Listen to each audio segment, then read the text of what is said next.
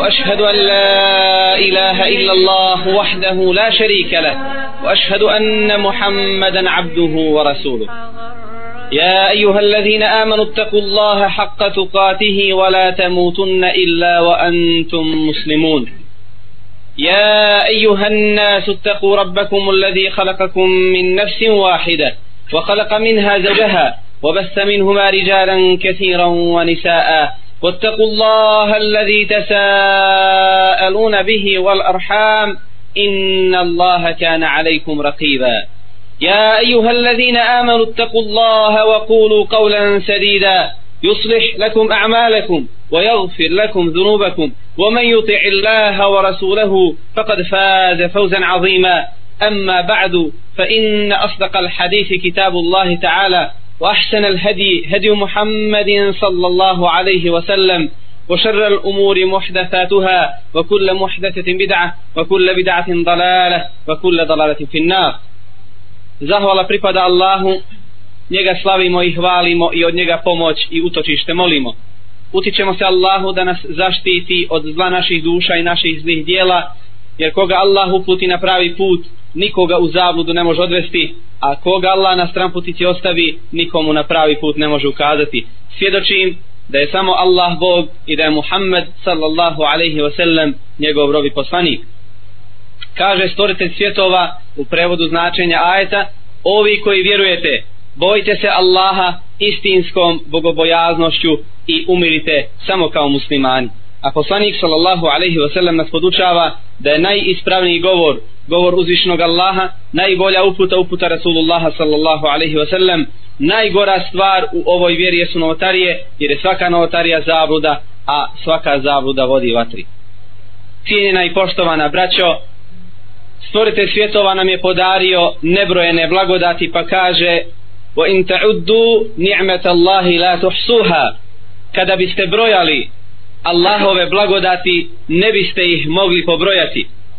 I jedna od velikih blagodati koje stvorite svjetova dao nama ljudima jeste vrijeme unutar koga živimo pogotovo slobodno vrijeme koje nam je stvorite svjetova podario pored neophodnog vremena za bavljenje određenim zanimanjem ili poslom od koga preskrbljujemo sa Allahovom dozvolom i pomoći potrebna sredstva za izdržavanje sebe i svoje porodice. Želio bih da u ovom trenutku ili momentu danas podsjetim sve nas na prolaznost nas kao ljudi i na važnost iskorištavanja vremena koje nam je stvorite svjetova podario jer ono odlazi što se naših života tiče u nepovrat i naš boravak na dunjaluku kako Kur'an kaže inma na'uddu lum adda mi im samo dane odbrojavamo. Svako od nas ovim danom, ovim petkom koji danas živimo svako od nas je za taj jedan dan bliži svome kaburu svako od nas je za taj jedan dan bliži rastanku sa porodicom i svako od nas je bliži kaburu ili nastanjivanju mjesta u kome ćemo boraviti sve do sudnjeg dana. To nas opominje, to nas budi, to nas podstiče da iskoristimo svoje vrijeme na najljepši mogući način, jer ništa od ovoga svijeta sa sobom u kaburu, braćo, nećemo ponijeti već u kabur sa nama idu samo naša djela. Zato postavimo sebi pitanje kako provodiš dan. Svako od nas neka sebe zapita kako izgleda tvoj jedan dan da ga sam analiziraš i sam ocijeniš i daš sebi ocjenu u smislu da li veći dio dana provedeš u ibadetu u pokornosti Allahu subhanahu wa ta'ala u činjenju dobrih dijela, u obavljanju namaza, u učenju Kur'ana, u pozivanju na dobro, a odvraćanju od zla, da li u istinu mi isplaniramo svoj dan pa da znamo pratiti sebe i vidjeti koliko smo od tog plana svoga pozitivnog uspjeli realizovati, a koliko smo toga propustili, da znamo se popraviti sutradan, ići naprijed ili propuštamo da dan za danom prolazi bez obraćanja uopšte pažnje na sve ono što je iza nas. Koliko je Allahov poslanik sallallahu alaihi wa sallam vodio računa o svome vremenu spominje se u predaji koju navodi Abdullah ibn Umar radijallahu anhuma pa kaže kunna na'uddu li rasulillahi sallallahu alaihi wa sallam fil majlisi l-wahidi mi'ata marra. Rabbi gfir li wa tub alaije innaka anta tawwabu rahim. Ebu Davud Tirmizi Ibn Mađe bilježe predaju da su ashabi poslanika sallallahu alaihi wa sallam za vrijeme jednog sjedenja izbrojali da je poslanik sallallahu alaihi wasallam u toku tog sjedenja stotinu puta kazao gospodaru moj oprosti mi primi moje pokajanje jer ti si u istinu onaj koji pokajanje primaš i koji si milostiv. U drugoj predaji poslanik sallallahu alaihi wasallam je rekao wa inni la astaghfirullaha fil jevmi mi'ata marra. Ja tražim oprosta od Allaha u toku jednog dana po stotinu puta. A znamo da je poslaniku sallallahu alaihi wa sallam sve oprošteno i da uopšte nije imao grijeha ali je molio Allaha subhanahu wa ta'ala za oprost stotinu puta na dan. Koliko bismo trebali onda mi braćo puta na dan kazati estagfirullah Allahu oprostim. Koliko puta mi izustimo izgovorimo rečenicu u kojoj ima puno onoga što nije lijepo i što nije u redu. Koliko je naših poslova u kojima toliko previda i grešaka napravimo? A pogledajte naš uzor naš lije primjer na koga se ugledamo. Naš poslanik Muhammed sallallahu alaihi wa sallam po stotinu puta je molio Allaha subhanahu wa ta'ala da mu oprosti. Stoga braćo nemojmo časa časiti već odmah nakon ove džume nastojimo da svoj jezik naviknemo da u momentima šutnje ili slobodnog prostora, slobodnog vremena kada se ne bavim određenim poslom nego kada šetamo, kada čekamo u čekaonici, kada nastojimo zaposliti svoj jezik i svoje srce da tražimo oprosta od Allaha subhanahu wa ta'ala razmišljajući o svome životu šta smo sve uradili od velikih i od malih grijeha znamo da namaz do namaza briše ono što počinimo od malih grijeha u toku dana.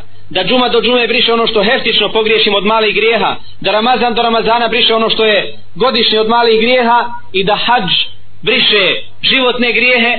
Na nama je da se posvetimo velikim grijesima za koje znamo da moramo se iskreno pokajati da moramo zatražiti oprosta od svoga stvoritelja da moramo prestati sa činjenjem tih grijeha i donijeti čvrstu odluku da se više nikada nećemo vratiti u činjenje isti.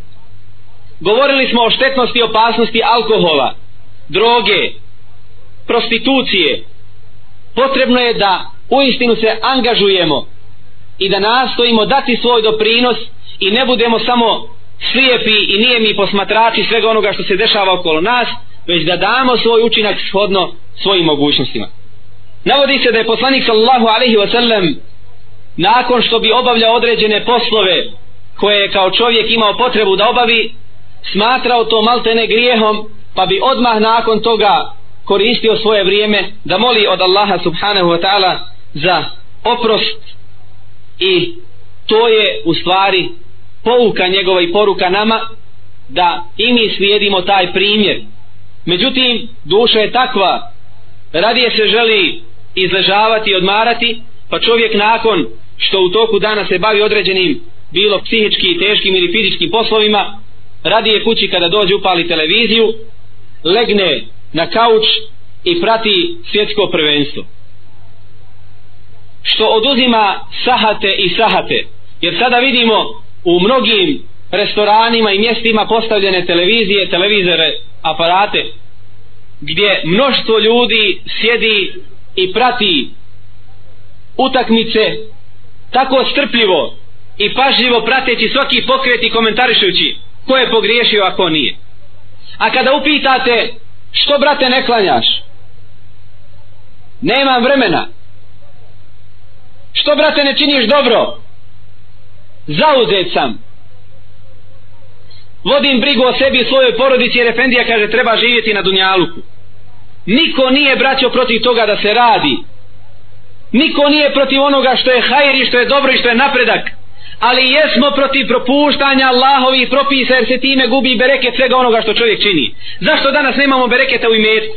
U vremenu, u porodici, u djeci, u ženama, u unucima. Zato što smo toliko ogrezli u grijesima i tako malo, malo molimo Allaha subhanahu wa ta'ala da nam oprosti tako se malo kajemo tako se malo preispitujemo tako malo kritikujemo sami sebe.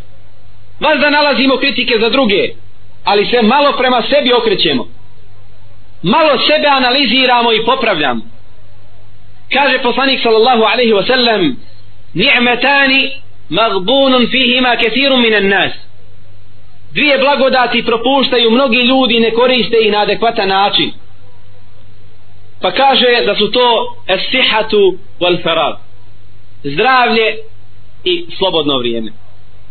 Blagodat koju nam je Allah dao blagodat zdravlja nažalost mnogi od nas nemilice troše ne vodeći računa uopšte na koji način pa neki kažu to trošimo najviše zato što smo ga džabe dobili.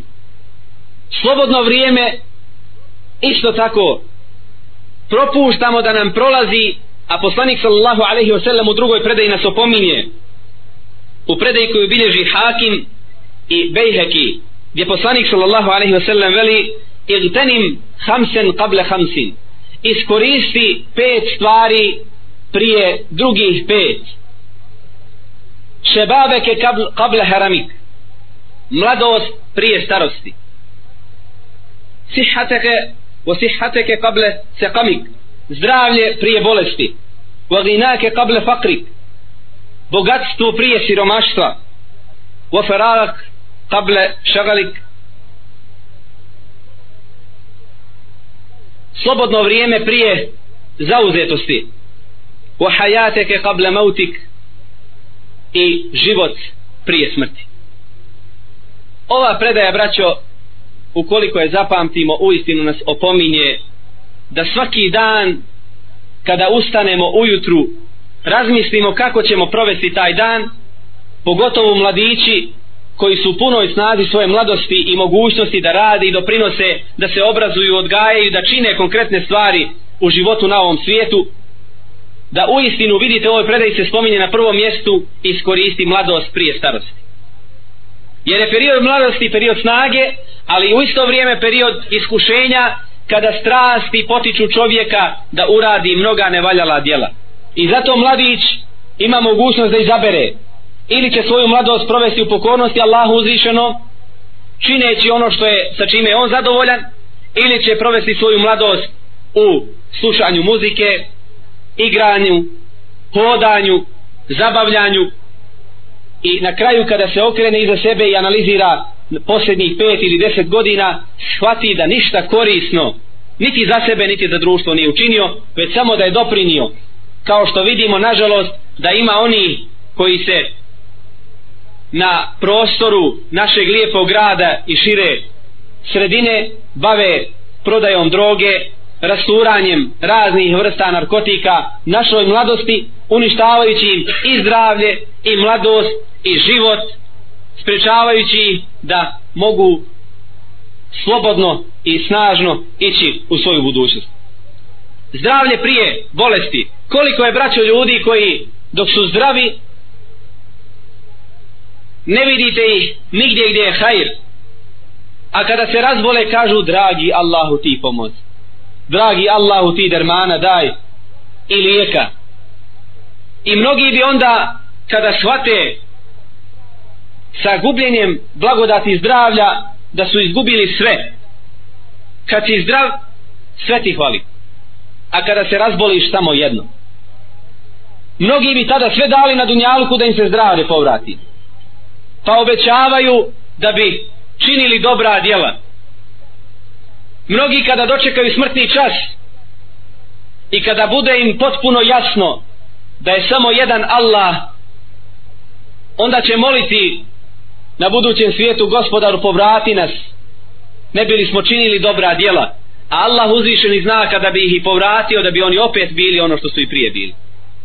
Zato dok smo živi ovdje trebamo nastojati sebe popravljati i dovoditi u red i poštivati braćo ono što znamo od svoje vjere. Kada bismo se makar pridržavali onoga što znamo to stalno napominjemo jer puno ljudi kada ga opomeneš brate pa znaš da to ne valja što radiš. Kaže znam. Pa što radiš? Pa eto. Ostaje bez odgovora. Dakle zna da je to haram što čini. Zna da je sjedenje za stolom na kome se pija alkohol da je to haram. A kamo li piti alkohol. Međutim opet vidimo određene ljude koji sjede za takvim stolom. Koliko nam je braćo potrebno odgoja? Jer onaj protekli sistem uticao je na nas da postepeno neke stvari koje su na najvišem nivou zabrane u našoj vjeri da nam postanu sasvim obične i sasvim normalne. Bogatstvo prije siromaštva trebamo iskoristiti jer niko od nas ne zna šta će biti sa njegovim imetkom i dok smo vlasnici privremeni imetka koje nam je Allah dao na korištenje potrebno je da ga dijelimo na Allahom putu. Da od njega imaju koristi muslimani zajednice u kojoj taj imućan čovjek imućan musliman živi jer znamo da za svako dobro djelo slijedi desetorostruka nagrada pa do sedamstotina puta. Poslanik alaihi salatu wasalam nas opominje pa kaže da iskoristimo slobodno vrijeme prije zauzetosti. Slobodno vrijeme koje nam je Allah dao kao blagodat možemo usmjeriti dakle na ono što je dobro ili na ono što je loše onaj koji sjedi pored televizije i gleda utakmicu proći će mu saha tipo kao i onome koji sjedi pored Kur'ana ili koji obilazi rodbinu ili koji obilazi bolesnika ili koji obilazi prijatelje u ime Allaha ili koji čini na razne načine dobra djela. Međutim nikada na njihovoj vagi to neće biti isto vagano. Jer u jednoj predaji se spominje da će Allah koriti svoga roba pa će kazati robe moj nisi me posjetio nisi me posjetio kada sam bio bolestan. Pa će se začuditi Allahov rob kako da tebe posjeti uzvišeni Allahu? Pa kaže zar nisi znao da je taj i taj moj rob bolestan? Da bi posjećujući njega u stvari zaradio kod svoga stvoritelja veliku nagradu. Pored toga nisi udijelio kada si bio u prilici i mogućnosti da udijeliš određenoj osobi to su sve dakle dijelovi koji nas posjećaju čovječe ti si slobodan da izabereš svoj životni put ali znaj da ćeš za dobro biti nagrađen a da ćeš za zlo biti kažnjen i da na taj način onda usmjeravamo svoj život pozitivnim tokovima moleći od Allaha da primi naša dobra djela kao iskreno učinjena u njegovo ime slijedjenjem primjera poslanika sallallahu alaihi wasallam i moleći ga da nam oprosti naše grijehe koje počinimo javno i tajnino namjerno ili greškom. Stvorite svjetova se kune vremenom u kratkoj kuranskoj suri u kojoj kaže vel asr tako mi vremena innal insana lafi husr u istinu su svi ljudi na gubitku. Jer svakim danom sve smo bliže trenutku svoje smrti svakim danom jedan dio udisaja i izdisaja našeg je prošao svakim danom sve manje nam ostaje vremena na dunjaluku jedino neće biti na gubitku kako kaže stvorice svjetova illa allazine amenu oni koji vjeruju. Wa amilu salihat i rade dobra djela jer iman mora biti praćen činjenjem dobrih djela jer je ispravnost srca se mjeri prema ispravnosti dijela. A ispravnost dijela se mjeri prema ispravnosti nijeta. Međutim ako hoćemo za nekoga kazati da je musliman potrebno je da ga vidimo u džami potrebno je da ga vidimo da radi dobra djela jer ne možemo znati šta je čovjek u srcu ali vidimo kako se ponaša šta čini, šta radi i na koji način provodi svoj život na dunjalku nakon toga وَتَوَاسَوْ بِالْحَقِّ koji jedni drugima preporučuju istinu nakon što uzvjerujemo i radimo dobra djela potrebno je da pozivamo i druge da slijede put istine da slijede put dobra da slijede put pravde napretka prosperiteta i na kraju vatevasau bis sabr kao kruna svega jeste da jedni drugima preporučujemo strpljenje jer bez strpljenja ne može se doći do konačnog cilja. Bez strpljenja ne može se izdržati post mjeseca Ramazana. Bez strpljenja ne može se izdržati svaki dan pet puta dnevno obavljati namaz u džematu na vrijeme. Bez strpljenja ne može se izdvojiti dio imetka koji je čovjeku drag ali da ga daje u ime Allaha na Allahovom putu. Bez strpljenja ne možemo izdržati uvrede i činjenje nepravde koje se nad nama provodi ali nadajući se Allahovoj nagradi i nastojeći da to popravimo i promijenimo bez strpljenja ne možemo uspjeti sebe odgojiti i obrazovati i svoje generacije koje dolaze iza nas koje sada stašavaju jer to je kako se navodi da je imam šafir rekao da sto četiri stepenice na putu prema džennetu i da je posljednja stepenica upravo taj dio sabura.